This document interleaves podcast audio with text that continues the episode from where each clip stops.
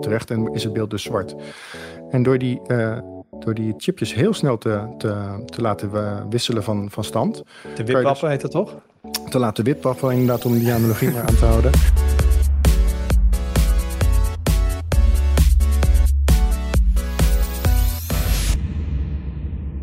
Hoi, leuk dat je luistert. Welkom bij een nieuwe aflevering van de Tweakers Podcast. Mijn naam is Wout en vandaag zit ik in de podcast met Stefan Vegelien. Hoi. Met Julian Huibrechts. Hoi. En met Erik van Ballengooien. Hallo. En uh, nou, laatst hadden we op de site een, eh, een, een test van 65 inch-televisies... Uh, die je voor minder dan 1000 euro al kon kopen. Nou, kan je verklappen, je kan ze voor minder nog wel kopen. Of je dat moet doen is een tweede. Maar je kan in ieder geval voor heel weinig geld best wel heel groot beeld in uithalen. Um, maar ook laatst hadden we test van projectoren. Voor als je voor misschien nog minder geld of misschien wel iets meer geld, nog veel groter beeld wil. Um, Erik heeft de laatste tijd een heleboel getest van allerlei verschillende vormen en maten en typen en prijsklassen. Dus daar gaan we zo meteen wat, uh, wat dieper induiken, de do's en don'ts en wat je moet weten over zelf thuis, uh, nou misschien wel een soort mini-bioscoopje bouwen. Maar voor we dat gaan doen, hebben we natuurlijk de highlights. Nou, Erik, begin gewoon meteen maar bij jou.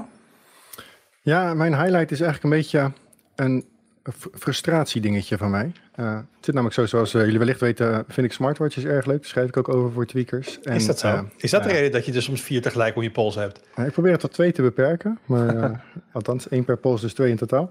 Nee, ja, je enkels toch? Dat zou ook nog kunnen, maar zover, zover ga ik dan nog net weer niet. Uh, maar we weten natuurlijk dat de nieuwe versie van Wear OS uh, zit, zit er aan te komen. Uh, Google heeft dat een tijdje geleden geteased. Samsung heeft daar op MBC, op de virtuele versie, daarvan ook weer wat over geteased. Omdat Samsung gaat natuurlijk over naar Wear OS. het heeft er ook alle schijn van dat bij het Samsung Impact Event, wat er begin augustus aan zit te komen, dat er daadwerkelijk één of twee nieuwe Galaxy Watches geïntroduceerd gaan worden. Die dan dus als eerste op dat nieuwe Wear OS draaien.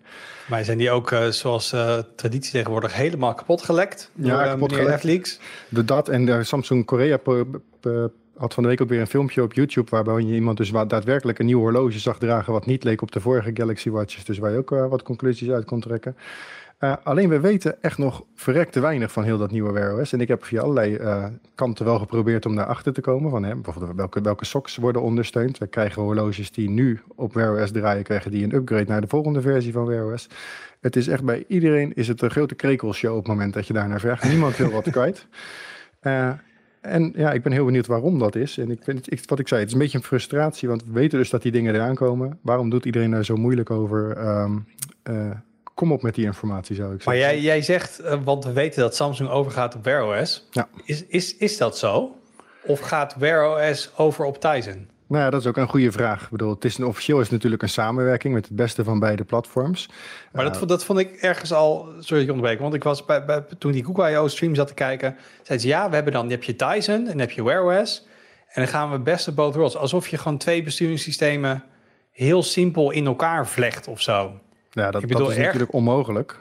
Ja, dus ergens is de technische basis één van de twee. En, en misschien dat ze iets kunnen doen met development tools of SDK's of een soort layer die er bovenop ligt. Maar je moet ergens uitgaan van of het is gebaseerd op Tizen met een Wear OS-achtige interface, of het is low-level gebaseerd op Wear OS en je gooit er misschien wat UI-elementen van Samsung horloges in. Nou ja, dat soort vragen. Daarop is, krijg je dus gewoon geen antwoord voorlopig. Um, en ik heb met verschillende bedrijven geprobeerd. Want uh, we weten onder andere ook dat Fitbit, onderdeel van Google natuurlijk, die komt met een nieuwe serie horloges. Daar uh, had in eerste instantie een interview mee gepland staan met een, iemand van de development afdeling. Hele reis vragen ingestuurd. Uiteraard allemaal over wat ze willen gaan doen met Wear OS. Maar ja, daar mocht het echt niet over gaan. Um, dat merk ik bij alle partijen. En ook Samsung wil bijvoorbeeld niet bevestigen dat ze met een nieuw horloge komen, terwijl iedereen weet het natuurlijk. Uh, ja, ik vind het een beetje. Ik, ik, het frustreert mij in uh, mijn nieuwsgierigheid dat er zo weinig technische informatie over naar buiten komt vooralsnog. Maar wat gebaseerd op wat we dan wel weten, misschien wel de track record van Samsung en wat Google dan verteld heeft, wat verwacht je ervan? Kijk, uiteindelijk, um, als je een iPhone hebt, dan is voor veel mensen is het een no-brainer. Dan halen ze tegenwoordig gewoon als ze een, een sport of smartwatch willen, uh, halen ze gewoon een, een Apple Watch. Um, en ik heb het idee dat nu als je dan op het, in het Android-ecosysteem zit, ja, Wear OS was de laatste paar jaar, kreeg ik het idee gewoon een beetje, werd een beetje eh, in, in een hoekje voor, ja, een beetje vergeten. Ja, was gewoon verweest. Dat, komt, dat mag je rustig Precies. zeggen. En dan heb je, heb je Garmin die veel doet en dan heb je uh, Fitbit die natuurlijk dingen doet. Maar ik bedoel, wat, Is, is daar ruimte aan die kant? Denk je dat nou, ik hiermee echt stappen kunnen zetten? Er is zeker ruimte. Ik denk als je nu, als je tot nu toe een, uh, een Android-gebruiker was en je wilde een allround smartwatch, we schreven ook in onze, onze roundup van een, van een tijdje terug, dan zijn die Galaxy-horloges van Samsung, die Galaxy Watch-horloges, zijn eigenlijk gewoon het beste. Maar het is ook gewoon nog niet fantastisch. Zeker als je geen Samsung-horloge hebt, is de functionaliteit beperkt. Moet je twee verschillende companion-apps installeren op je, op je, op je smartphone. Dat, dat kan allemaal gewoon een stuk beter. En de hoop is wel dat dat nu beter wordt. En wat Samsung ook liet zien van in One UI, die ze dus uh, onlangs op uh, eh, hebben geteased, is onder andere dat die synchronisatie tussen je telefoon en je, en je horloge, dat dat een stuk beter gaat. En dan synchronisatie in brede zin. Dus op het moment dat je apps installeert op je telefoon, wordt de companion app op je horloge ook geïnstalleerd. Op het moment dat je een contact blokkeert op je telefoon, is die ook op je horloge geblokkeerd. Allemaal dat soort dingen die eigenlijk heel erg logisch zijn, maar die wel het gebruik van smartwatches een stuk gebruiksvriendelijker maken dat zou uh, de nieuwe Wear OS, als het al zo gaat heten, moeten brengen. En het is ook gewoon mooi. Dat, uh, in, in theorie is het in ieder geval heel mooi. Daarom ben ik er ook in potentie enthousiast over. Omdat er nu eindelijk gewoon een flinke hoeveelheid partijen één blok gaan vormen. Om een beetje tegenwicht te bieden tegen Apple Watch. Want als je nu gewoon kijkt naar het marktaandeel van smartwatches. Ja, Apple, de Apple Watch is gewoon zo enorm groot. En voor de rest is het allemaal maar een klein beetje gerommel in de marge. Ik bedoel, je zei het al, um, Garmin is heel sterk op sport. Maar echt allround smartwatch voor Android, dat is gewoon een heel gefragmenteerde markt. Waar dus ook het app-aanbod eigenlijk gewoon heel erg achterblijft. Omdat ja, niemand gaat ontwikkelen voor vijf verschillende platforms die allemaal maar een beperkt bereik hebben. Verwacht je dat ze ooit op een punt kunnen komen dat een Apple-gebruiker zou twijfelen over een Apple Watch en misschien wel zegt: ik, ik neem iets met Wear OS? Nee, dat denk ik niet. Maar het, het, het uh, moet wel op het punt komen dat op het moment dat je een, een Android-gebruiker bent, dat je graag een Wear OS horloge wil hebben, omdat er allerlei voordelen aan zitten om dat te hebben. Dat het echt tof is, dat alle apps die je wil hebben, alle functionaliteiten die je wil hebben, dat de accudeur klopt, dat dat, dat soort dingen allemaal goed zijn. Uh, en dat je daardoor dus niet tussen vier ecosystemen hoeft te, te shoppen, waarbij de een het een heeft en de ander het ander. Ja, want Wear OS bestaat echt al. Of hoe heet het vroeger? Google Wear of Android Wear, dat allemaal namen gehad. Maar het bestaat echt alweer een jaartje of zeven, zo, gok ik ergens. Durf niet te zeggen, in ieder geval wel lang. Uh, maar ja. wat je al zei, de laatste, de laatste paar jaar had ik eigenlijk het idee van Google laat het gewoon doodbloeden. Er, er was eigenlijk geen support meer op. Het komt uh, bijna de Google Graveyard op. Ja, en dan nu dus uh, wel een aankondiging dat ze wat nieuwe dingen gaan doen, met, met toffe nieuwe partners. Maar ja, nogmaals, mijn frustratie dat we eigenlijk, terwijl het er volgens mij al bijna aan zit te komen, want ik denk dat als Samsung die, die horloges uh, in begin augustus uh, aankondigt, dat ze dan ook niet heel erg lang daarna daadwerkelijk op de markt zullen komen. Maar dat we qua technische informatie eigenlijk nog altijd behoorlijk in het duister tasten over wat het gaat brengen. Ja, en dat terwijl gewoon wel, we weten hoe het eruit gaat zien met alle plaatjes, 3D-renders, allemaal prachtig. Alles is gelekt natuurlijk. Um, ja, ik hoop vooral dat ze die, die draaibare bezel, um, dat ze die weer terug doen. Dat vind ik echt nog steeds. Ik bedoel, bij Apple zijn ze heel trots op hun, hun crown, hun draaibare knopje. Maar ik vind eigenlijk nog een veel betere vondst is gewoon dat je die hele bezel van dat horloge kan draaien, wat ze in het verleden hebben gedaan. Dus dat is wel een, eh, een gouden vondst van hun kant. Stefan, ben jij een smartwatch gebruiker? Nee. Heb je het ooit overwogen? Nee. nee, ik kan ook niet vragen, uh, waarom ben je het niet? Want heb je er nog, heb, heb je eigenlijk jezelf nooit afgevraagd of je het zou moeten gebruiken? Nee, eigenlijk niet. Nee, ja, ik, ik, uh, ik heb er helemaal geen behoefte aan. Ik, uh, mijn posten zijn leeg. Ik, uh, ik, ik hoef niet de hele tijd te weten hoe laat het is. Uh, ik heb nee, maar daar heb je ook geen smartwatch voor. Nee, ik heb op mijn telefoon heb ik alle mogelijke notificaties uitgezet. Ik wil zo min mogelijk gestoord worden tijdens de dag. Ik, ik ben al druk genoeg in mijn eigen hoofd. maar sp sport jij ook wel eens? Hardlopen, dat soort dingen? Uh, mijn sporten zijn, uh, zijn, zijn vooral uh, klimmen in een klimhal of, of inderdaad wel buiten wandelen. Maar, maar dan hoef ik niet te weten hoeveel stappen ik zet. Dat vind ik niet zo interessant. Okay, ik, ben niet nee, zo, ik ben niet zo gevoelig daarvoor. Du duidelijk. Ik, zit ik, ik heb al een Stefan gaan we niet aan de smartwatch geven. ik, ik heb serieus, ik heb wel eens een keer zo'n zo'n zo sporthorloge gehad om gewoon, gewoon de stappen te tellen. Ook voor de stappenchallenge natuurlijk. dat soort dingen hebben we ook bij, met de redactie gedaan. Um, maar ik vind het dan wel even leuk maar ik ben het ook zo weer kwijt. Het interesseert me gewoon net niet genoeg dat ik denk, wauw, dat wil ik hebben. Maar, maar ja, zo'n zo horloge uh, en even snel kijken, dat doe ik nu de hele tijd op mijn telefoon. Dus het is een, ik zie wel het voordelen ervan in. Want je gaat wel, denk ik, minder op je telefoon kijken. En, en dat is ook helemaal niet zo slecht uh, voor uh, de rest van je omgeving natuurlijk. Nou ja, ik vind het vooral leuk vanwege alles wat die, en dat, dat, daar is Erik natuurlijk ook helemaal fan van, wat ze op gezondheid en sport dan, dan bijhouden. Um, ja. ja. dan vind ik het leuk om te ik, wat, wat, ik nog wel interessant vond, was dat het op een gegeven moment ging over um, uh, dat je uh, misschien allerlei dingen vroeg kon voorspellen. Door, uh, door hartritmes en door temperatuurwisselingen en dergelijke. Dat is nog wel vet. En dan dan, dan, dan voegt het ook nog wel wat toe, denk ik. Ja, dat je gewoon je COVID al terug, dat je het gewoon voelt aankomen omdat je minimum heart rate omhoog gaat en je bloedzuurstofsaturatie omlaag gaat. Hoe handig is dat? Ga je niet naar de kroeg, dan weet je dat je het niet moet doen. Heb je, uh, jij hebt er toch wel eentje, Joh, iets om je pols of niet? Ja, ik, ik zit een beetje tussen, tussen die twee uh, kanten in eigenlijk. Ik heb, ik heb een Garmin en ik vind de data vind ik helemaal geweldig. Maar ik heb echt alle smart functies helemaal uitgezet. En alles wat maar iets met notificaties te maken heeft, uh, zet ik uit en totaal geen behoefte aan. Ik wil, uh, wil het niet weten als ik een WhatsAppje krijg of wat dan ook. Uh, het is best nog wel lastig om dat allemaal uit te zetten. Want in, nou ja, als, je, als je in het begin zingt, staat, het, staat er veel van dat soort dingen aan. Maar zo'n ding wat dan trilt om je pols, ik vind dat echt heel erg invasive. Dat vind ik gewoon, ja, dat, dat, je, je schrikt er gewoon van. Of, of je bent lekker aan het werk en je wordt opeens gestoord door iets wat trilt aan je pols. Dat vind ik echt heel vervelend. Dus ik heb dat allemaal uitgezet. Maar ik vind ja, zo'n ding om mijn pols en dan allemaal data kunnen uitlezen dat vind ik helemaal geweldig. Alleen, uh, dus op dat vlak wil ik dat hij heel slim is, maar voor, verder moet hij vooral heel dom zijn. En, en, en doe je er ook wat in de zin van, ik vind het helemaal geweldig, en zit je dan gewoon te kijken naar je grafiekje, denk je, oh, pretty. Of heb je ook wel eens iets met die data nou, ik, ik, uh, ik ben aan het hardlopen en ik ben nu bijvoorbeeld aan het trainen voor de halve marathon. En dan heb ik gewoon ja. zo'n Garmin trainingprogramma en dan vertelt hij mij wat ik moet doen. Dus ja, dat heeft allemaal natuurlijk met elkaar te maken. Uh, en dan vind ik het wel handig dat ik na mijn, na mijn uh, training kan ik dan kijken van hoe, hey, hoe was mijn hartslag en was het beter dan de vorige keer of hoe dan ook. Dus ja, ik heb daar zeker wat aan. Ja, ja en trouwens van dat trillen zeg je dat voel je. Dat vind ik een van... Het klinkt heel erg knullig voor zo'n duur ding. Maar een van de fijnste dingen vind ik gewoon... Ik gebruik hem als alarm. Dus als ik zacht, gewoon s ochtends wakker word, hoor ik niet een maar eh, eh, of muziek of iets. Er begint gewoon iets te trillen aan mijn pols. Ik vind het een super prettige manier van wakker worden. Ja, daar heb ik een kind nou, voor. Zeg je? Ik zeg, daar heb ik een kind voor. Ja, nou dan is een smartwatch weer goedkoop vergeleken met een kind. En veel, een stuk minder gedoe om dat dan in je bezit te krijgen. Nee, maar en als, je met, instellen. en als je op een ander moment uh, wakker moet worden naar je partner, nou dan heb je er ook minder last van en zo. Het is echt een, uh, heel mooi ding. Ja, en Erik hoeft niet te vragen of hij smartwatch het leuk vindt en waar hij het voor gebruikt, want... Uh, die verspreidt het evangelie al jaren. Maar um, ja, ik, ik ben ook wel benieuwd door Erik, want ik, ik heb zo'n Garmin en ik, het, het, is het beste op, tot nu toe uh, voor Android, vind ik, met Android-gebruiker. Maar je, je, wil zo graag dat je er heel erg echt enthousiast over wordt. Als iemand zegt, moet je doen, oh, dit moet je doen, want de integratie is zo goed. Het werkt gewoon helemaal perfect samen, alles wat je zou willen. En, en ja, dat, dat is het nog niet. Wat vinden jullie dan van dat soort echt van die super high-end uh, smartwatches zoals uh, Tag Heuer. Die heeft nu uh, zo'n zo'n zo'n samenwerking met Nintendo. Dan hebben ze een soort van limited edition Super Mario smartwatch van Tag Heuer. Dus dan heb je eigenlijk gewoon een Tag Heuer Connected, wat ook al een, gewoon een Wear OS apparaat is.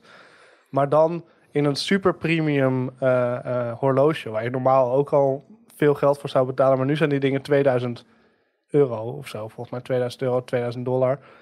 Iets in die, in die, in die, maar moet je bij dat soort producten niet echt naar prijs-prestatieverhouding nee, kijken? Nee, maar dan, maar dan, ja, want het is natuurlijk gewoon een Wear OS apparaat. Het is niet eens een super goed Wear OS apparaat. Je batterijduur is niet belachelijk goed of zo, maar het is wel een tak nee. En het is wel, het zit wel in, in, in die in die premium brand die dat merk ja, natuurlijk. volgens mij geef je het antwoord zelf al. Hè? Ik bedoel, het is een ding wat inderdaad op een vorige generatie uh, chipset ook nog draait. Het, uh, maar, maar, maar, zou, maar zou, is dat een no-go voor jullie? Dat dat dan gewoon een beetje. Ik denk als je zeg maar de, de, de Venn-diagram hebt van mensen die mooie horloges appreciëren, mensen die smartwatch willen, is misschien een klein beetje overlapping. Maar voor mij zijn dat redelijk ja. twee aparte groepen. Toch, um, toch zijn die merken die, die springen echt op die smartwatch-markt.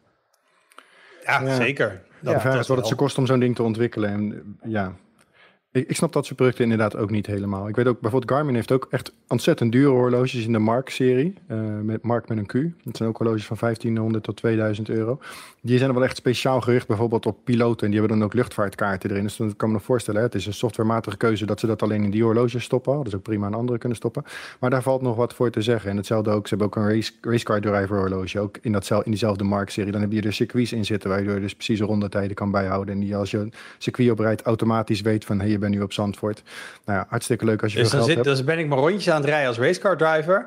Dan moet ik mijn uh, overalls moet ik dan opschuiven op mijn pols om mijn horloge vrij te krijgen. Moet ik mijn handschoen wegduwen. En dan moet ik terwijl ik aan het racen ben op mijn horloge kijken wat mijn rondetijd was. Ja, dat kan, dat kan tenzij je mazepin bent. Maar je moet gewoon meerdere dingen tegelijk kunnen doen op je stuur en naast je stuur. ja, dus dat, uh, dat, dat, moet dat wel waar. Maar ehm 11 augustus toch is Samsung Unpacked. Ja, ook dat is nog onbekend, hè? Ik bedoel, officieel ja, zeggen ze nog niks. Het, Nee, het, zit eraan te komen. Samsung vroeg ons van de week om een quote voor, over, de, over het vorige horloge. Nou ja, als ze dat op dit moment vragen, dan weet je dat er een evenement voor de volgende aan zit te komen... waarin ze wat quotes willen kunnen laten zien van de pers. Dus het kan niet Ja. ver meer weg zijn. Nou, hopen dat jouw frustratie snel wordt, eh, snel wordt weggenomen. Stefan, wat heb jij meegenomen? Ja, ik wil het hebben over de AMS X. Ik weet niet of jullie weten wat het is. Dat is natuurlijk het grote internetknooppunt van Nederland. Ehm, de AMS X die, eh, die zit in Amsterdam al sinds het begin van het internet ook. Vandaar In Ams. 19, eh, 1994 eh, zijn ze begonnen. En die hebben twee nieuwe locaties, namelijk in de buurt van Rotterdam. Dus ze gaan Wat? naar een andere stad toe. Dan wordt het de, de Roffa X. Zoiets, ja. Eh, In de buurt van Rotterdam en, eh, en eh, in de buurt van Den Haag eh, komen zijn twee datacenters met een POP. Dat is dus een point of presence. Dus dat is waar hun, zeg maar hun, schakelapparatuur zit, hun netwerkapparatuur en servers, waar iedereen op in kan pluggen. Ehm, maar dat is best wel uniek. Het is de eerste keer in de geschiedenis van, van de AMSX dat zij buiten de regio Amsterdam gaan. En ik sprak net een van de, eh, van de mensen van AMSX, eh, wat nou eigenlijk de reden erachter was. Nou, dit is natuurlijk voor die datacenters super interessant. Het is voor de bedrijven daar interessant. Maar wat zij zeggen is eigenlijk twee dingen. Aan de ene kant zien zij gewoon dat er heel veel bedrijven eh, zich in die datacenters vestigen buiten die Amsterdamse regio. Ehm, en daar willen ze natuurlijk ook gewoon bij zijn. Dus ze kijken naast Rotterdam en Den Haag bijvoorbeeld ook naar Eindhoven en naar Groningen, waar ook eh, veel datacenters eh, zijn en ook steeds meer komen. Ehm, maar wat ze ook zeggen is dat die regio Amsterdam heeft ze beperkingen, ook op politiek gebied, eh, maar ook ja, gewoon, gewoon op uitbreidingsgebied. Dus ze, ja, ze, moeten wel een beetje verder kijken dan hun traditionele regio. En het is wel heel erg interessant, want die, want die Amsterdam, ja, dat is gewoon echt traditioneel gezien altijd zo'n plek dat, dat, dat is begonnen rondom het Science Park van de Universiteit van Amsterdam. Je had daar de NICHEF, en je had daar Surfnet, eh, Sarah. Eh, zeg maar die wetenschappelijke partijen die, die, die zijn daarmee begonnen. In de begintijd van het internet was natuurlijk alles was gewoon draaide om de wetenschap, het hele internet. Ehm, en dat werd steeds groter en groter. En toen, toen is het eh, verder in Amsterdam verplaatst. En nu zitten ze in een aantal verschillende datacenters rondom Amsterdam. En eh, bij Schiphol en bij Haarlem. Maar nu gaan ze dus voor het eerst daarbuiten. Ik vond het best wel een interessant gegeven. En, ehm, eh, Maar eigenlijk is, is de Ams X dus ook niet... Het is niet één ding. Het is niet één huis wat je kan aanwijzen. één gebouw, één loods of zo. En zeggen, hé, hey, kijk daar. Dat is de Ams Nee, X. ze zitten in principe gewoon. Ja, ze- eh, de Amstix is waar zij een schakelkast hebben of waar zij een switchboard hebben eigenlijk. Dat is waar het op neerkomt. Dus ehm, eh, ze hebben gewoon een aantal punten eh, waar, vanaf, waar zij, vanaf waar andere partijen verbinding kunnen maken. Want de Amstix is een, is een vereniging van allemaal partijen die gebruik maken van het internet en zeggen wij gebruiken die Amstix als het knooppunt waar wij allemaal samenkomen. En op die manier kunnen we met, met elkaar praten, zeg maar. Op die manier kunnen we eh, kunnen allerlei verschillende partijen met elkaar communiceren. En, en heb je dus eigenlijk het internet. Ehm, en, en ja, dat, dat, dat, dat gebeurt via datacenters. Dat is waar die bedrijven zitten die daar gebruik van maken, die grote afnemers. Eh, dus daar zitten ze ook eh, om, om zo goed mogelijke kwaliteit van internet, eh, zo min mogelijk latency, wil je zo dicht mogelijk bij dat knooppunt zitten. En omdat dus die partijen nu verplaatsen en omdat er steeds meer partijen bijkomen ook in, in andere regionen dan, dan rondom Amsterdam, hebben zij zoiets van, nou, als we naar de toekomst kijken, moeten we gewoon verder kijken dan die gemeentegrenzen of die, eh, ja, die regiogrenzen van Amsterdam. Maar je zegt net zelf, hè, je wil dicht op het vuur zitten. Je wil lage latencies. Ga, gaan ze dan zelf ook ehm, de verbinding tussen die locaties regelen? Of gaan, liften ze gewoon mee op een bestaand netwerk? Of gaan ze kabels graven en zeggen... oké, als wij in Rotterdam zitten en in Amsterdam... willen wij echt zelfcontrole boven die pijp ertussen. Volgens mij ligt er over het, voor een heel groot deel ligt de glasvezelverbinding er al. En, en eh, de- daar maken ze ook wel gebruik van. Ik weet niet helemaal 100% of het super feitelijk klopt. Maar volgens mij gaan ze niet meer dan alleen maar die, ehm, eh, ja, die, die, die serverapparatuur, die netwerkapparatuur eh, in die datacenters. Dat is wat ze doen. Ja. En wanneer gaan ze dit doen? Was dit, Eh, in, ehm, ehm, eh, richting het einde van het jaar. Dus ze zijn nu met het, met het opzetten daarvan. en blijven ze nog steeds AMS-X? Want we hebben ook voor mij Ja. NL, IX. Ja, dat is van, van KPN. Ja, dus dat, is, eh, dat is inderdaad een, het, het tweede knooppunt van Nederland. En dat, dat is van KPN, dus dat is ook een commerciële partij. Eh, en die heeft zijn eigen knooppunten. Er zijn ook allerlei partijen op aangesloten. Uh, maar ja, ze blijven gewoon wel de AMSIX. En uh, ik denk dat, dat dat ook gewoon traditioneel zo blijft. Maar het is wel interessant, want ook de, de, zeg maar de politiek, Rotterdam, Den Haag, die zijn wel heel erg geïnteresseerd in, in de AMSIX. In, die hebben echt wel geprobeerd om hun daar naartoe te krijgen. Ze hebben er niet per se voor betaald, maar want dat, de, de kosten liggen allemaal bij de, bij de datacenters zelf en bij de AMSIX zelf. Maar het is wel interessant, zij zijn gewoon heel verwelkomend naar, naar die partij. En, en dat is iets wat op andere plekken in Nederland, vooral ook in, in de provincie Noord-Holland, ja, er, er wordt wel steeds meer kritiek geleverd op, uh, op, ja, op, op al die datacenters daar. En of dat je laatst ook een stuk over gemaakt, toch? Ja, precies. En, en of dat wel nodig is. En, uh, en, en dat speelt dan natuurlijk ook mee. En het is wel interessant dat, dat dit daar een beetje een reactie op lijkt. Um, uh, en, en, en dat dus ja, het Nederlandse datacenterlandschap verandert. Dus in plaats van dat het allemaal op één plek zit, allemaal in Amsterdam, gaat het naar, door heel Nederland heen. En dat is iets wat, ja, wat wel interessant is. En wat is de reden waarom Rotterdam en Den Haag dit wel graag willen hebben? Weet je dat? Um, nou ja, je, daar, daar zijn sowieso veel uh, bedrijven die, uh, die goede verbindingen willen hebben. Er zijn een aantal datacenters die daar, die daar zitten en komen. en, en ze zien daar ook wel dat, um, dat het belangrijk is voor de, voor de wereldwijde handel. En dat, en, en dat die internethandel daar eigenlijk ook bij hoort. En als, dus, en als, simpele, als simpele eindgebruiker gaan wij hier iets van merken? Als, mm, nee, of eigenlijk helemaal niet? Nee, eigenlijk niet. Nee. Kijk, technisch gezien zou het kunnen dat je iets minder storingen hebt. Uh, als je in die regio woont. Maar ik denk niet dat je er echt wat van merkt. Want het, dat, het is allemaal zo opgezet dat je dat eigenlijk niet, uh, niet merkt. Het is niet dat mijn Ziggo-kabel nu direct hier zo meteen in Rotterdam wordt ingeprikt. Want ik woon in Rotterdam en dat ik daardoor uh, veel sneller internet krijg. Nee. Ik denk dat sowieso de beperkende factor bij nee, Ziggo is gewoon welk abonnementje je bij zelf neemt. Dat ook. En dan, dat ligt nog steeds, de beperking ligt bij, bij Ziggo. Het is, kijk, het is vooral interessant voor de partijen die al in die datacenters zitten of die in die regio actief zijn. Uh, want die hebben ineens een, een punt waarbij ze veel kortere afstand hebben tot, uh, tot, tot de AMSIX. Want zij kunnen gewoon inpluggen, als zij al in het datacenter zitten, kunnen zij gewoon inpluggen in het datacentrum. En dan hebben ze gelijk een verbinding naar de AMSIX. Uh, en dat, ja. Kijk, de afstanden in Nederland zijn redelijk klein, dus het maakt allemaal niet super veel uit. Dus, qua latency en zo, dat, dat is allemaal, het is allemaal verwaarloosbaar. Maar het is toch wel heel erg interessant voor, voor, voor een aantal partijen, zoals financiële partijen of ja, ik kan me zo voorstellen dat, uh, dat, dat havenpartijen er ook wel op zitten te wachten. Dat, uh, dat deze hele belangrijke partijen nu ineens naar hun uh, ROFA komen. Dus voor de echte latency fetishist. ja, ja, dat is wel ook, want wat, dat is wel interessant. Want in een van die datacenters, Smart DC is dat. Dat is een datacentrum in Rotterdam. en daar zit bijvoorbeeld ook ID3.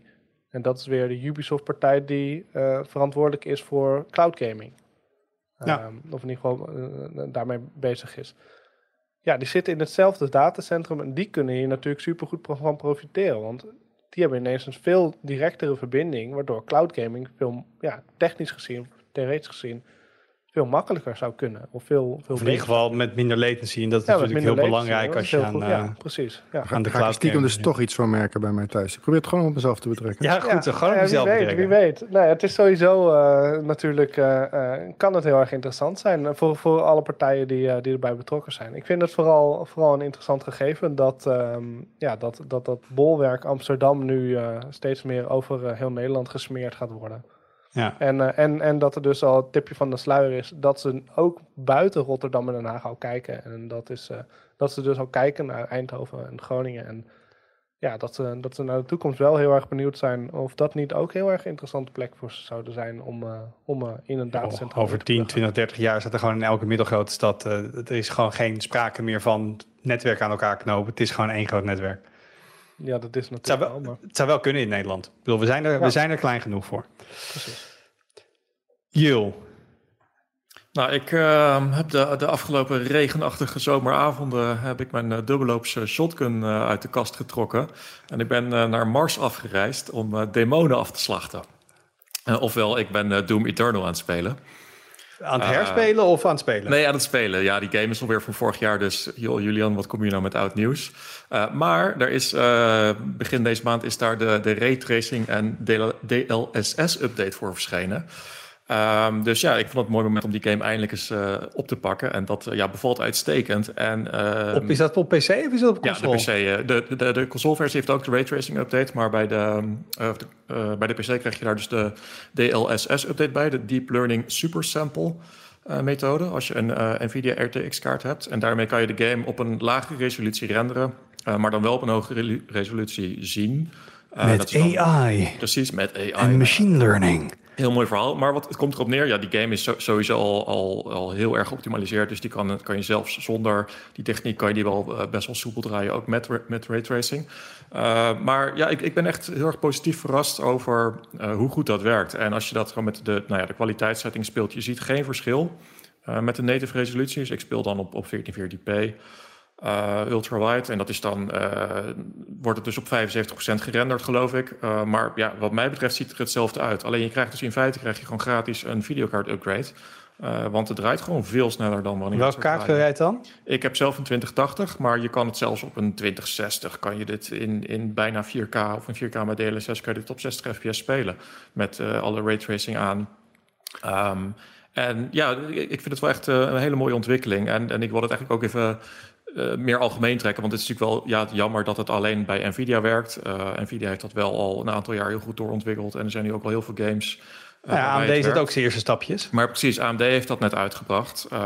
het alternatief, wat, wat, nog wel anders werkt. Het Fidelity FX Super Resolution. Um, en ik, ja, ik hoop eigenlijk dat dat heel snel uh, doorzet naar, uh, naar de consoles. Uh, de PlayStation 5 en Xbox Series consoles hebben een AMD GPU en die kunnen ook met die techniek aan de slag. Maar ja, ik vind eigenlijk resolutie is gewoon niet zo heel erg belangrijk. En het kost zo ontzettend veel om games in native 4K te draaien. Terwijl als je nou ja, dat op 75% kan doen, een beetje mooi kan upscalen en dan al die rekenkracht die je overhoudt kan inzetten voor de grafische effecten. Dat is echt gewoon een, een, een ontzettend nuttige prestatiewinst. Maar sterker nog, games doen eigenlijk al, ik bedoel, uh, variabele resolutiescaling is ja, van de laatste paar jaar. En heel veel mensen waarschijnlijk weten geen eens dat het gebeurt. Als zij in een game een, een, een, een ruimte binnenstappen waar heel erg veel grafische details zijn, dat dan even gewoon de interne renderingresolutie met 20% dropt on the fly. Um, je hebt, als het een toffe game is en je zit erin en er is uh, veel beweging op het scherm, dan merk je het ook helemaal niet. Nee, dat, dat is het punt. En, zeker ook met uh, DLSS, dat gaat er wel al zo ver in dat je ook, uh, nou ja, op Twitter zie je dan ook in de reacties mensen die zeggen: Ik heb een RTX 3090, de aller, aller, allersnelste en duurste kaart, maar die zetten het toch aan, omdat hij dan gewoon wat minder verbruikt, omdat hij minder hard hoeft te werken. Ja, dat, dat zegt wel genoeg over hoe ver die techniek is en hoe goed die techniek is. Want ja, je ziet het gewoon niet. En het levert dus geen zichtbaar nadeel op. Uh, ja, in, in, hele zeldzame gevallen kan je wat ghosting artefacts zien, maar ja, daar is ook alweer een nieuwe versie van die dat dan oplost. Ga, ga je nu ook echt op zoek naar games die dat DLSS nu ondersteunen en dat je die nou, probeert te hebben? Het meer andersom, dat ik als ik dan zie van hey, een game heeft DLSS, dan uh, denk ik, goh, dan ga ik die misschien eens spelen. Ik ga, die, ik ga die geen obscure game spelen omdat ze DLSS hebben. Maar Doom Eternal is wel een game die uh, ik sowieso wil spelen. En ook de, de Metro Exodus, die heb ik vroeger, nou, vroeger een paar jaar geleden op de Xbox One X gespeeld. Heb ik toch even de, de Enhanced Edition meegepakt voor de PC, die laatst is uitgekomen. Uh, omdat die helemaal opnieuw is gemaakt met raytracing en de LSS. Dus denk ik, nou, die wil ik nog wel een keer. Uh, of dan met de uitbreiding ook, kan ik in ieder geval de, de nieuwe uitbreidingen nog eens spelen met, uh, nou ja, in de nieuwe versie. Dus maar het is wel grappig wat je zegt van resolutie maakt niet uit, want niemand um, in de tijd van de DVD. Even kijken, Erik, wat, wat is een DVD? Is dat 576p in Paul of is dat? 576p, ja. Ja, toch? niemand die toen die DVD zat te kijken zeggen: dit ziet er niet realistisch uit. Ik bedoel, het was gewoon een film en je dacht dat was super. Waarom is het realistisch? Want mensen animeren zoals echte mensen en lichteffecten ook in lage resolutie kloppen gewoon.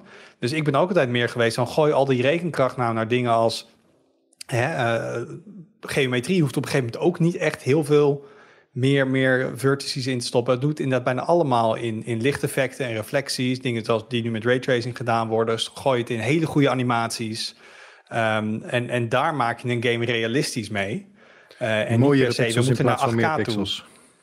Zeg je? Ik zei mooiere pixels in plaats van meer pixels. Ja, nee, maar dat, dat, lekker, ja, dat je gamen op 4K en 8K, lekker, lekker boeiend. Ehm, geef mij maar. En, maar dat was wel even de vraag, hoe, hoe, hoeveel mooier is die game dan, Jul? Met game ook zonder raytracing, wel even, of je de toggle ja, aan... Ja, ja, zeker. Ja, het is wel, dit, uh, Doom Eternal gebruikt vooral heel veel uh, reflecties. Uh, en, de, en de, die reflecties waren al best wel mooi. Tegenwoordig doen ze dat met... Uh, nou ja, allemaal slimme technieken kan het wel heel mooi. En dan soms denk je van, hey, heeft die game raytracing? Maar dan is het gewoon toch ja. nep. Uh, maar nu zie je gewoon uh, ja, veel realistischere reflecties. En in sommige scènes, het, het, het, valt wel op. En het is wel, soms vind ik het zelfs een beetje... het is wel gek, soms is raytracing lelijker dan, dan gemaakte reflecties. Ja. Omdat een artiest moet dan heel lang werken om die reflecties zo mooi mogelijk na te bootsen. En terwijl een echte reflectie dan opeens wat, wat rauw of hard kan ogen. Uh, maar ja, het is, het is wel uh, duidelijk zichtbaar en, en ik vind het wel, uh, ja, wel tof. Het is niet, ik denk niet dat het voor mij super veel verschil maakt of ik die, die game met of zonder speel. Want uiteindelijk is het een hele snelle actiegame waarin je van de, nou ja, de, de ene, ene monster naar het andere monster rent. en, en met heel veel geknal en bloed gespetter. Heb je überhaupt tijd om om je heen te kijken, inderdaad? Nou ja, op zich, Doom Eternal is wel een stuk wijdser en groter dan, dan bijvoorbeeld Doom uit 2016. Dus je hebt meer omgeving, ook dat je af en toe even van het ene stukje naar het andere stukje loopt. En ja, alle gangetjes waar dan de, de grond glinstert en de, en de ramen spiegelen en zo. Ja, dat ziet er nu allemaal heel veel uit. Dus dat uh, zeker een aanrader. En, en Doom op de PC on ondersteunt uh, met die laatste update trouwens ook dat dynamic resolution scaling. Dus je kan hem ook nog zo ja. instellen dat hij dus ook inderdaad, mocht je niet, mocht je 60 fps willen halen en je haalt dat niet, zoals met DLSS, kan die dus op de achtergrond nog wat terugschalen ook in resolutie binnen wat DLSS al zou doen. Hey, trouwens, dit is ook voor ons trouwens, voor benchmarking en zo is dit de hel als ja. alles variabel wordt, om dan nog ja, een beetje te kunnen zeggen wat voor hardware heb je nodig en zo. Dat maakt voor ons werk af en toe dan wel Precies, een dat is ook wel, als je gewoon kijkt van goh, welke videokaart wil ik kopen, dan ga je natuurlijk heel snel naar de rauwe prestaties kijken. Maar als je inderdaad de DLSS meeneemt uh, in zo'n berekening, dan, dan kan het weer heel anders zijn. Heb je misschien wel heel iets anders nodig, of dan is misschien uh, een Nvidia-kaart opeens toch interessanter dan een AMD-kaart. Um, en ja, dus ik hoop vooral dat, dat AMD's alternatief, dat er snel uh, games gaan komen die dat fatsoenlijk gaan ondersteunen. Want dat is nu, dat is uiteindelijk, daar, daar staat de valt het mee. Je moet die games wel specifiek er uh, geschikt voor maken. En als dat uitblijft, dan, dan is het lastig. Ja. Ik ben vooral benieuwd of, kijk, raytracing is een manier om, maar of er inderdaad meer aandacht uitgaat naar gewoon belichting verlichting in games. Gewoon hoe, want daar haal je het realisme uit. Ik moest er ook aan denken. Ik had uh, FIFA 21 geïnstalleerd, want die zit in Game Pass. Uh, maar natuurlijk word je altijd genaaid als PC-gamer door EA. Want toch pakken ze de last-gen engine pakken ze voor de PC-versie. Terwijl een PC bijna hè, de, kan, heel erg schalen. Um, en ik zat op YouTube ook te kijken naar hoe de PS5-versie dan uitziet en de PC-versie. En dan ziet het gewoon bij de PC-versie eruit alsof al die precies dezelfde character models, precies dezelfde animaties, maar de lighting op de PC-versie is helemaal vlak. Het is gewoon echt heel plat. Het is heel doods. En dan zie je dus op de PS5-versie, dat is dan dezelfde character models doen, dezelfde animaties, met dan een modern lighting systeem. Ja, dat is echt bijna ja. letterlijk dag en nacht. Dat maakt zoveel um, verschil. Vooral voor de, de plaatsing van 3D-objecten in een, in een ruimte. Als je realistische lichtval hebt, dan krijgt ieder object een realistische schaduw. En dan staat het op de grond. Terwijl, dat zeg je ook veel, veel oude games, heb je allemaal van die nou ja, blokkerige modellen. Maar het heeft ook geen schaduw, dus het heeft totaal geen... Het raakt niks en dat voelt heel onnatuurlijk aan. En inderdaad, als je dan goede, goede verlichting hebt, dat hoeft niet per se raytracing te zijn, maar dan ja, oogt dat gewoon veel beter. Ja. More lights, ik ben ervoor. Um, ik wil nog even uh, noemen als highlight voor mij. Uh, het is een gerucht, dus misschien is het helemaal niet waar. Maar er druppelt al uh, tijdenlang druppelen er uh, om de zoveel tijd wat geruchten uh, binnen over de Pixel 6 en de Pixel 6 XL of Pro. Ik weet nog niet hoe die gaat heten. In ieder geval de volgende line-up van Google-telefoons. Um, en Google zou, um, net als Apple volgens mij, ook vijf jaar ondersteuning op die telefoons willen gaan leveren. En dat vind ik een, dat vind ik een hele mooie zaak. ik moet heel eerlijk zeggen, het is een beetje theoretisch, want ik ben iemand die echt never nooit van zijn leven vijf jaar met een telefoon gaat doen. Daar heb ik echt geduld niet voor. Dan wil ik weer wat nieuws. Maar het laat wel zien, denk ik, A, dat ze um, serieus zijn over dat ze dat toch een speler willen zijn in de smartphone-markt. Dat je dan ook, terwijl een heel, als je zegt ik lever vijf jaar lang support, dat het echt wel consequenties voor dat je de onderdelen op voorraad moet hebben voor de reparaties, dat je uh, maar gewoon je software in vijf jaar lang moet blijven ondersteunen en dat soort zaken. Dus als, als um, nou, hint naar de, de, het antwoord op de vraag: is Google nou echt heel serieus met die telefoons? Willen ze echt meedoen? Zit dit een beetje in de pro, uh, in de pro-column? Um, maar ik vind het vooral interessant dat het laat zien, want waarschijnlijk de reden dat ze het kunnen is dat ze met een eigen SoC komen. Um, Whitechapel uh, is de codenaam ervan. En dat je dus blijkt hoe meer je in-house doet, wat Apple eigenlijk bewezen heeft, hoe, ja, hoe meer je je product kan optimaliseren, hoe meer je zelf in de hand hebt. En aan de ene kant ging natuurlijk met smartphones er een klein beetje naartoe dat iedereen kon een smartphone maken. Ik je vloog naar, naar China bij wijze van en dan ging je bij een paar vendors langs en zeggen, nou ik wil deze met dat kleurtje, met dit en dit en dit. En het werd bijna een soort, soort commodity. Maar je ziet nu eigenlijk alweer, ja, maar als je, dan kom je tot een bepaalde hoogte, maar als je echt met de big boys mee wil spelen, dan moet je eigenlijk chipfabrikant zijn. Dan moet je mede R&D doen samen met LG en BOE op OLED-schermen. Dan moet je al die, moet je eigenlijk verstand hebben van accu's. Dan, ehm, dus ik ben wel benieuwd nog steeds of, of Google die stap nou echt wil gaan zetten. Ik bedoel, wat een Samsung ook doet. Eigenlijk, ik denk dat eigenlijk alleen Apple en Samsung dat op dit moment op die schaal doen. Uh, waarbij ze naar eigen hardware kijken. Uh, gewoon alle onderdelen zoveel mogelijk zelf maken of in combinatie maken. Dus, uh, maar in ieder geval, dat, nou, dit, het was een klein, een klein geruchtje, maar ik, ben wel benieuwd of dit dan. Um, of ze een keer echt hun best gaan doen, laat ik het zo zeggen. Zou het niet ook, een, uh, zou ze het niet ook doen om een nudge te geven aan hun partners van joh, uh, kijk, als wij het kunnen, moeten jullie ook meer je best doen? Want het is wat mij betreft ook wel een frustratie. Ik bedoel, ik gebruik zelf, ik ben niet iemand die elk jaar een nieuwe telefoon gebruikt, maar uh, geef een oude telefoon in, in mijn geval nog wel eens door aan kinderen. En soms heb je gewoon een telefoon en denk je, ja, hardwarematig nog helemaal prima, maar ik wil echt niet dat mijn kind hem nog gebruikt, want het draait Android 6 en er komen geen patches meer vooruit. Ja, de, de partner die ze vooral moeten nudgen is gewoon Qualcomm. Want voor mij de grote belemmerende factor is dat vrijwel iedereen Qualcomm chips gebruikt. En Qualcomm zegt na zoveel jaar, ja, we gaan geen nieuwe drivers meer uitbrengen voor die SoC. En als het dan dus, ja, als de nieuwe Android-versie een nieuwe Linux-kernel gebruikt, waar dus ook weer hè, dat hele, dat hele boardpackage van Qualcomm geüpdate moet worden en zij doen het niet, ja, dan zit je een beetje met, uh, het kan hoor. Je kan het zelf nog, voor mij is Fairphone heeft dat wel gedaan. Die hebben heel erg veel software engineering tijd moeten stoppen in, in een wat oudere Qualcomm SoC ondersteund krijgen op een nieuwe Android-versie. Maar ja, veel bedrijven die willen daar niet echt aan, want daar zit het niet in hun DNA om het te ondersteunen. Dus ik dat zou dan denk ik, ja, als ze aan iemand een, een uh, signaal willen afgeven, is Qualcomm. Maar ik weet ook niet of die dat, uh, nou, of die daar iets van gaan aantrekken. Maar dat is natuurlijk wel een punt waar, eh, waar Android als, als ecosysteem gewoon op punt achter staat ten opzichte van wat Apple doet. De Apple-telefoons worden gewoon langer en beter ondersteund over het algemeen. Zeker. Dan het gros van de Android-telefoons in ieder geval. Dat leuk om bij de nieuwe iOS-versie altijd even te kijken van wat is dan de oudste iPhone die ondersteund wordt. En altijd even te kijken wanneer kwam die dan uit. En dat denk je altijd van, oh ja, dat ding bestaat ook nog. Het voelt dan echt jaren, het is ook jaren terug. um, dus, uh, dus, dus ik ben benieuwd. Maar dit is, ik denk voor mij, volgens laat, dit zal wel weer september oktober gaan worden, zeg maar. Maar ik vond het ook wel interessant om te zien dan wat het effect is van een Apple, die dus nu blijkbaar meer iPhones wil gaan leveren dit jaar. Uh, en eigenlijk was ook het terug dat ze eigenlijk verwachten van chiptekorten niet, eigenlijk bij de volgende generatie al weinig last te hebben, omdat ze zo verschrikkelijk dat schaal, dat volumespel spelen. Um, en zo'n grote speler dan zijn, dat ja, dat, ja, dan krijgen ze gewoon voorrang. Ik bedoel, en als je gewoon bedrijfje X bent dat uh, overal een beetje wat dingen inkoopt en um, heel erg afhankelijk is van externe suppliers, dan, ja, dan zie je nu met zo'n heel chiptekort dat je dan gewoon uh, redelijk, redelijk hard je plaat gaat. Ik ben ook wel benieuwd um, uh, rondom de release van, van die Pixel, als ze inderdaad uh, softwareondersteuning hebben vijf jaar, wat ze gaan doen met repareerbaarheid. Daar hebben we het natuurlijk al veel vaker over gehad. Maar dat, dat is in dit kader ook wel interessant. Want als jij een telefoon softwarematig vijf jaar in stand kan houden, hardwarematig moet je dat ook dan kunnen doen. Ja, de vraag is, kunnen wij dat dan zelf doen? Uh, of moet je hem opsturen? Maar dan moet zij dus ook inderdaad vijf jaar lang onderdelen op voorraad gaan houden en dat soort dingen. Ja. De vraag is, dat, dat is ook best wel een, een operatie voor een bedrijf.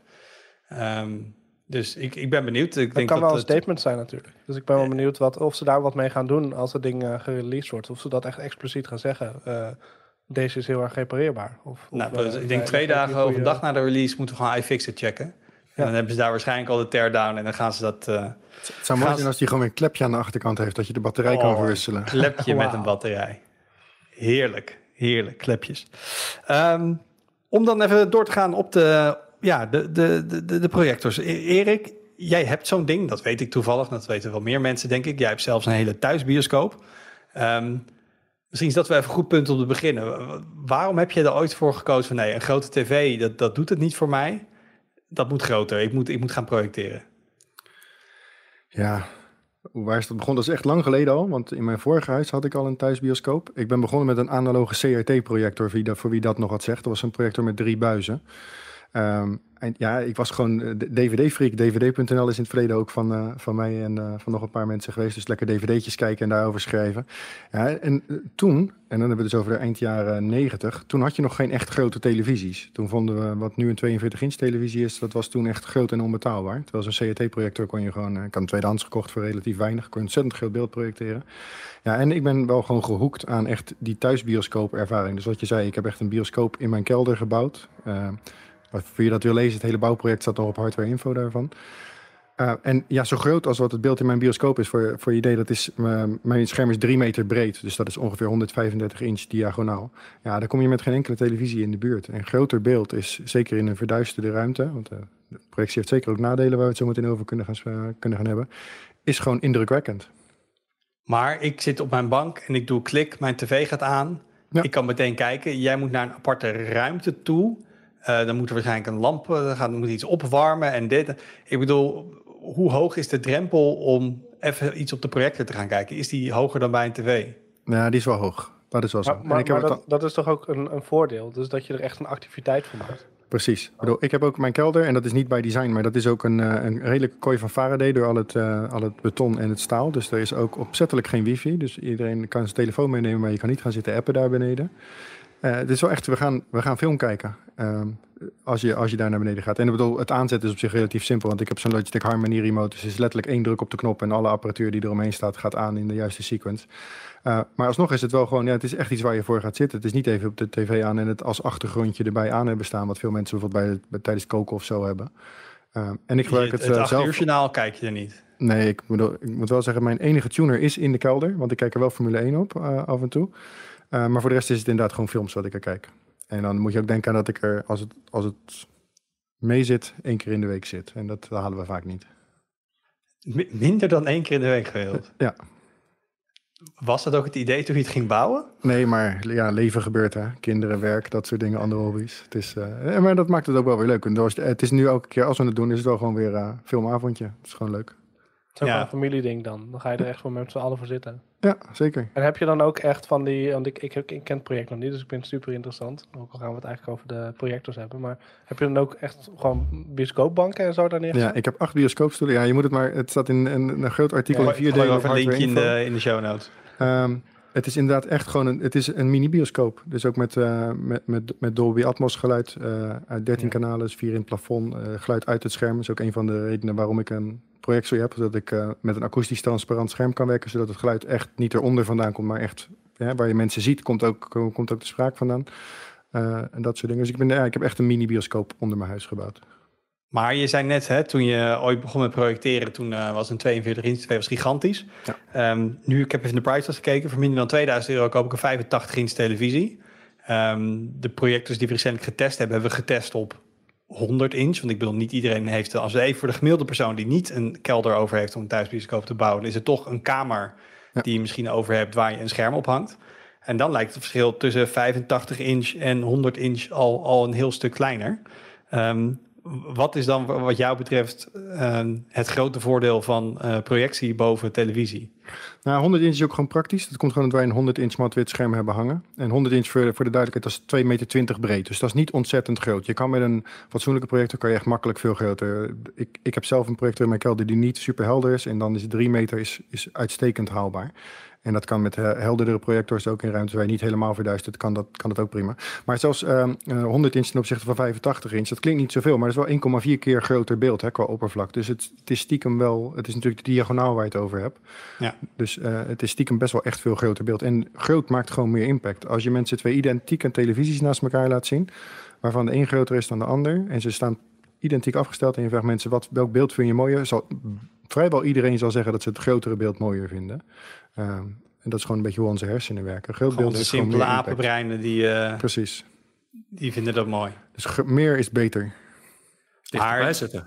Dichterbij, dichterbij zitten, zitten. Ook, maar dat, dat is een trucje waardoor je hersenen zich niet helemaal laten, uh, laten uh, foppen.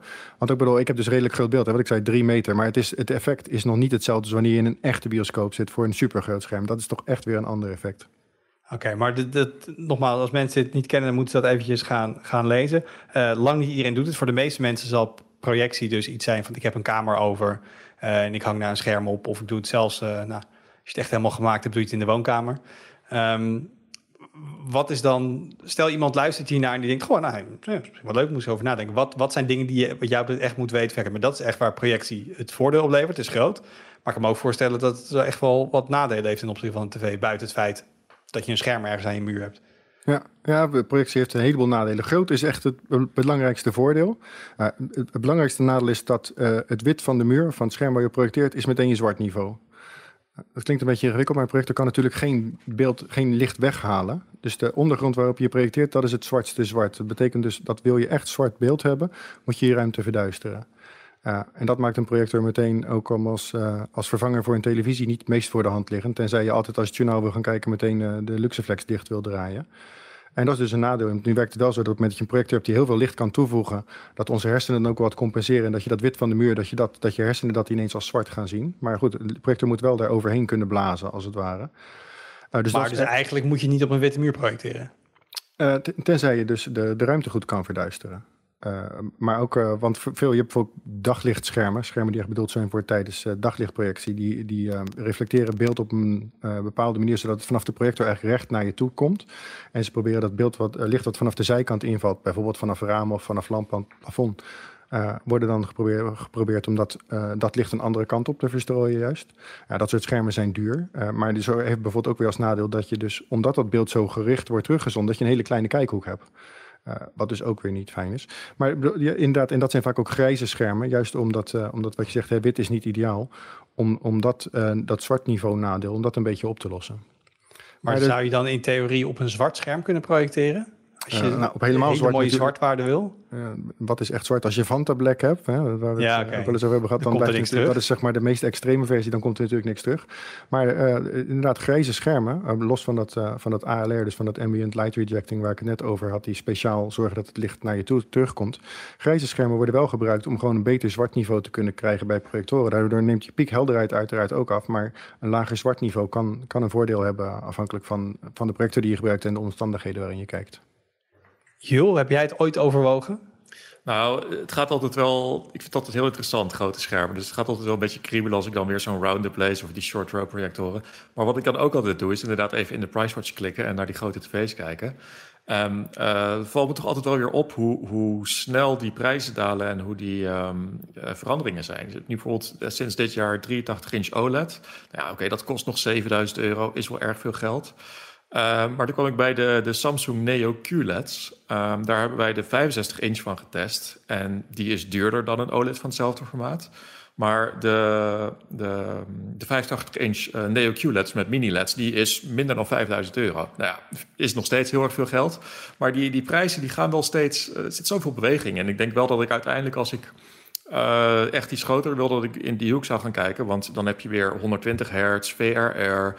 Dus voor gaming is dat uiteindelijk gewoon veel interessanter uh, dan een projector, denk ik. En, en HDR, want HDR, een ja. ander nadeel van project, projectie is dat uh, veel projectoren uit het high-end segment ondersteunen HDR. Maar omdat je gewoon sowieso een beperkt dynamisch bereik hebt. Hè, we zeiden het zwart is gewoon niet perfect, waardoor je dynamisch bereik dus niet fantastisch is. En ook de, de piekhelderheid valt in, te, in, helder, in vergelijking met de televisie wat tegen. HDR werkt op een projector eigenlijk ook gewoon niet. Dus dat soort dingen zijn allemaal voordelen voor tv's. Maar waarom werkt het dan in een grote uh, Dolby uh, cinema bioscoop wel? Ik heb wel het idee dat ik daar met moderne films echt wel hoge piekhelderheid zie en zo. Ja, niet?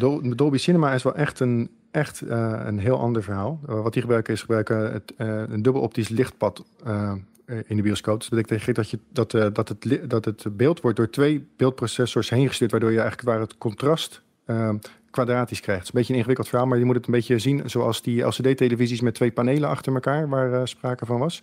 Ja. Uh, zodat je dus op, uh, op, op micro-niveau extra kan dimmen. Dus dat in combinatie met een hele, hele sterke lichtbron, laser in het geval van Dolby Cinema, zorgt dus dat je en hele hoge lichtopbrengst op hebt en heel goed zwart niveau.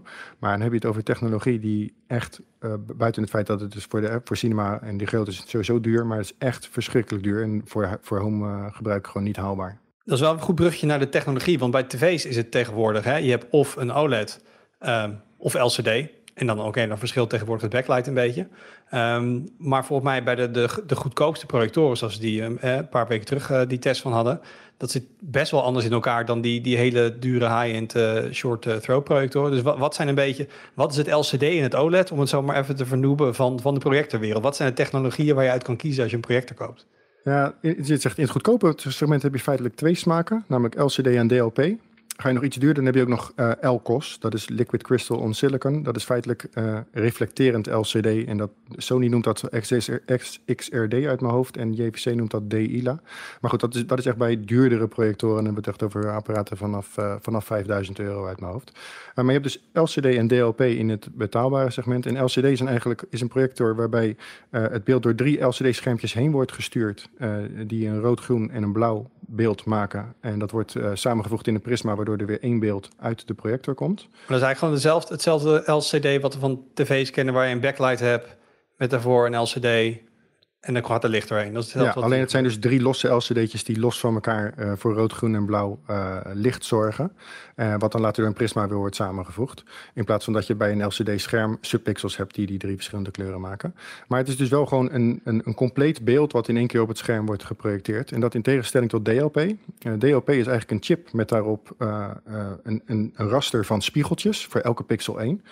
En die spiegeltjes die kunnen naar links of naar rechts uh, geklapt zijn. Dat is op een soort wipwapjes zijn die gemonteerd. En uh, nou ja, zijn ze in, bijvoorbeeld in voorbeeld naar links uh, ge, geklapt, dan sturen ze het licht door naar de lens. Dus dan komt het op het scherm terecht. Zijn ze de andere kant op geklapt, dan komt het licht in een, een soort opvangbak binnen de projector terecht en is het beeld dus zwart. En door die, door die chipjes heel snel te, te, te laten wisselen van, van stand. De wipwappen dus, heet dat toch? Te laten witwaffen, inderdaad, om die analogie maar aan te houden. Uh, kan je dus grijs tinten uh, creëren, want gewoon langer licht naar, de, naar het scherm zorgt voor wit licht, korter zorgt voor uh, minder wit licht, dus voor grijs.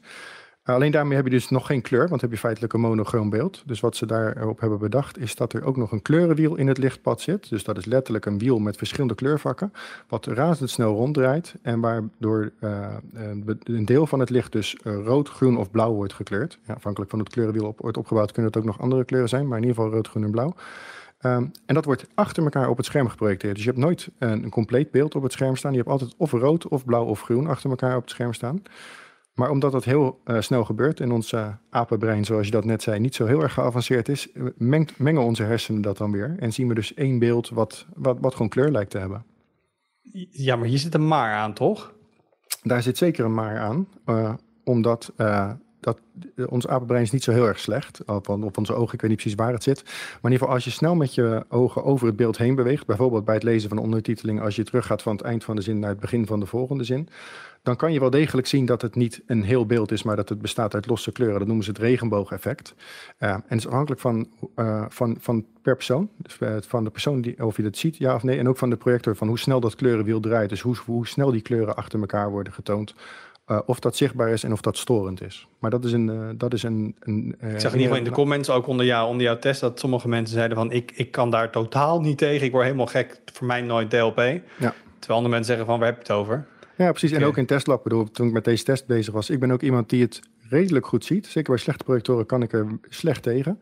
Uh, bij die duurdere short modellen die we hadden, daar is dat vrij goed. En daar heb ik er eigenlijk weinig last van. Ik kan het wel zien als ik het wil zien, maar het is voor mij niet zodanig storend dat ik zeg, is niet te doen. Uh, terwijl andere mensen testlab zeiden van, ja, ik heb echt geen idee waar je het over hebt. Uh, terwijl ook mensen binnenkwamen lopen tijdens het testen van die short projectoren zeiden, ah, DLP. dus ja, het is echt zeer persoonsafhankelijk.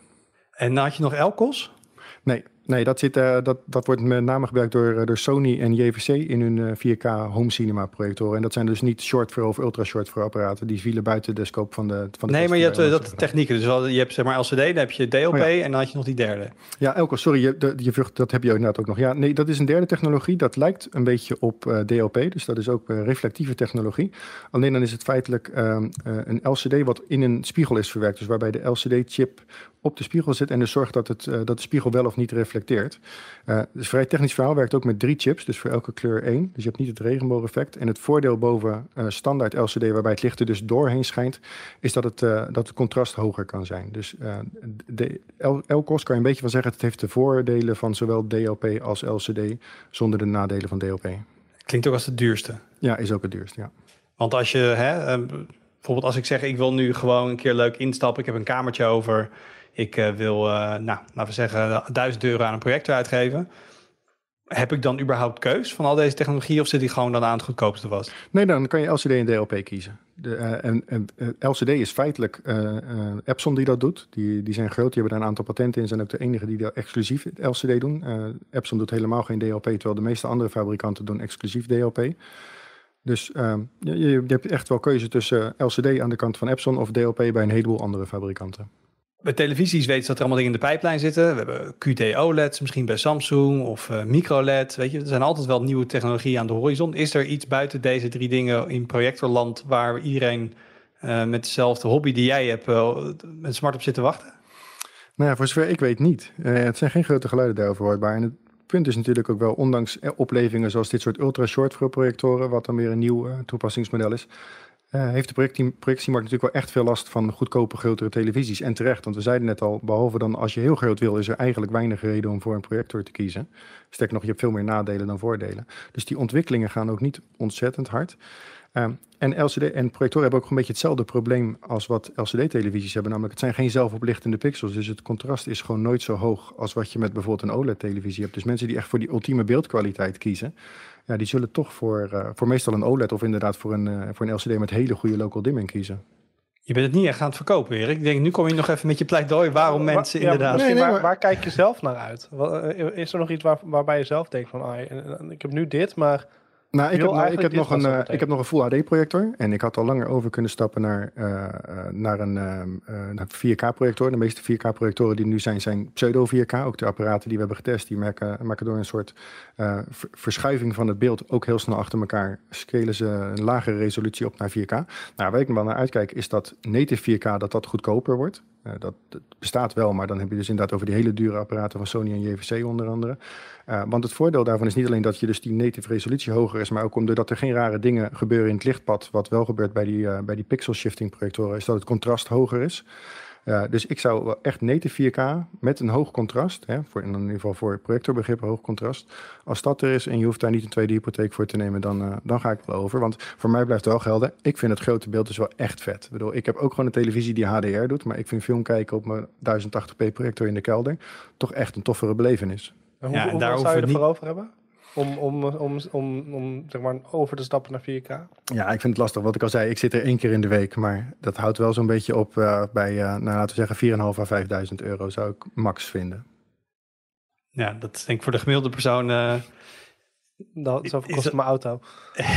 ja, precies. Maar ik denk waar, we, waar we niet over hoeven te discussiëren... is dat waar je kan zeggen bij een 55 inch tv... ja, heeft 4K nou nut of niet? Ik denk dat je in jouw kelder op 135 inch aan projecteren bent, dat je dan zeker wel kan zeggen dat meer resolutie echt wel zichtbaar is. Oh, absoluut. Want ik heb dus al wel meerdere projectoren hier getest, die dan na test weer terug moesten. Ja, dat is altijd wel een beetje pijnlijk als je dan weer terug gaat naar je eigen projector. Uh, maar nog niet zo pijnlijk dat ik de knoop heb doorgehakt. Want wat ik al zei, dat die projectoren waar ik dan heel blij van werd, die begonnen meestal met een, uh, met een getal wat met een 1 begon. En dan niet duizend, maar eerder uh, ja, tienvoudige daarvan. Ja, oké. dus eigenlijk is gewoon de grote tip: koop je een nieuw huis, zorg ervoor dat je een hele grote kelder laat bouwen. Uh, en dan kun je dan altijd nog eer een keer bellen om te vragen hoe je daar een, uh, een bioscoop in bouwt. Dat is dan toch wel de beste manier om het te doen. Dat mag altijd. Dat mag altijd. Uh, hey, dan wil ik even voor uitkijken naar wat er op de site verschijnt. Als het goed is, is er vandaag, daar ga ik wel vanuit, onze roundup van powerbanks verschenen. Um, hebben we in het verleden ook wel eens getest. Nou, Erik weet dat jij eens op hardware info testen. Um, dat was in het verleden vaak ook een kwestie van hè, hoeveel vermogen zeggen ze dat erin zitten, hoeveel energie en hoeveel zit erin. Tegenwoordig kunnen we ook allemaal leuke dingen testen op het gebied van USB Power Delivery. Dus met de een kun je je telefoon laden, maar hoe snel kun je laden? Sommige kun je je laptop zelfs mee opladen. Um, dus dat is, een, uh, dat is een heel leuk stuk geworden. ook komt eraan een schilderij dat geluid maakt. Ja, ja. Toch? Dat is wat het eigenlijk is, toch? Ja, IKEA en Sonos werken al een tijdje samen en die beginnen steeds gekke vormen op te zoeken. Ja, het is interessant. Ik bedoel, uh, lees de review vooral, vooral. Ze prijzen het zelf aan als het schilderij. Ik vind het zelf wat aan de dikke kant voor een schilderij, maar het heeft in ieder geval de vormfactor. Het is iets wat je inderdaad aan je muur hangt en wat er zomaar kunstig uit zou kunnen zien welk geluid het voorkomt. Verder ben jij de, druk bezig geweest met de Venue 2 van Garmin. We hebben het al over smartwatches gehad. Daar is ook weer een, nieuwe vanuit. we zijn bezig met de nieuwste LG OLED tv's, om gewoon maar weer even op de OLED terug te komen. Dus genoeg op de site. Dankjewel jongens. dankjewel voor het luisteren. Heb je feedback? Doe dat heel erg graag. Kun je reactie achterlaten op de website of ons mailen op podcast.tweakers.net. En we zien je weer volgende week.